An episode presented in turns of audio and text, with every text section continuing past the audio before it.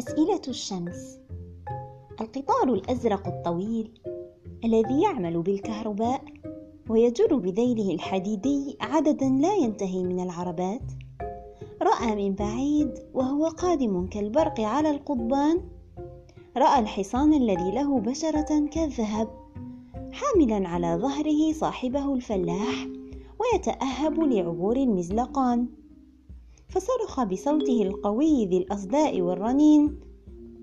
أيها الحصان الأحمق التعيس من سمح لك بالمرور في هذا الطريق؟ هذا الطريق مخصص فقط لسير السيد القطار. ثم أضاف ساخرا وهو يسحب العربة الأخيرة بطرف ذيله الرشيق. في المرة القادمة عندما أعود يا سيد حصان لا أود رؤيتك هنا أو في أي مكان حول هذا الطريق.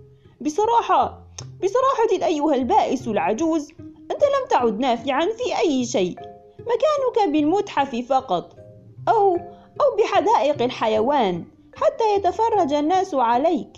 فأنت يا صاحبي تأكل من البرسيم الكثير ولا تقدر إلا على حمل القليل والذي أحمل مثله آلاف المرات. والقدر الضئيل الذي تستطيع حمله على ظهرك لم يعد يفيد الناس في هذا الزمان. وبعد أن قال هذا مضى القطار وضحكاته العالية تجلجل مرددة في الفضاء. بعد سماعه هذا الكلام حزن الحصان حزنا شديدا ولم يستطع أن يأكل أو ينام وبقي ساهرا طوال الليل. وعندما أشرقت الشمس في الصباح رأت صديقها الحصان مبتئسا حزينا. حتى أن نفسه تعاف الفطور ولا يهش الذباب الواقف عليه. فراحت من مكانها في الأعالي تناديه. ماذا بك يا صاحبي الجميل؟ وما لي أراك هكذا محزونا؟ رفع الحصان رأسه للشمس ودموع كاللؤلؤ الساخن تتدحرج على وجنتيه. ثم قال لها بصوته المتهدج حكايته مع القطار وكيف أنه بعدها لم يعد راغبا في أن يعيش فهو لا يجد نفسه نافعا للناس وما لزوم أن يأكل وهو لا يفيد. ضحكت الشمس وضحكت حتى اهتزت في مكانها فوق السحب وملأت الدنيا شعاعها الدافئ اللطيف. ثم قالت لصديقها الحصان اسمع يا صديقي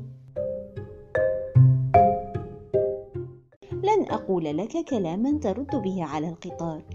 لكني أرغب أن تسأله ثلاثة أسئلة جوابها سيوضح لك كل شيء.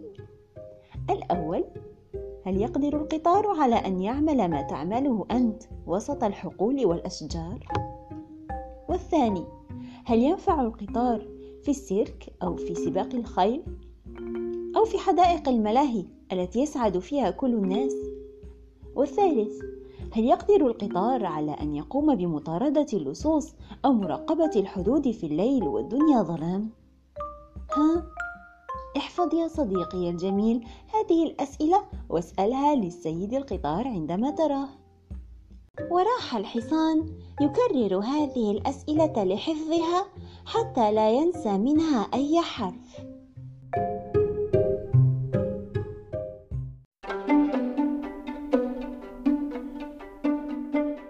وفجاه امتلأ بالفرح والابتهاج عندما توصل لمعنى الإجابات عن أسئلة الشمس. صديقته مالكة الفضاء.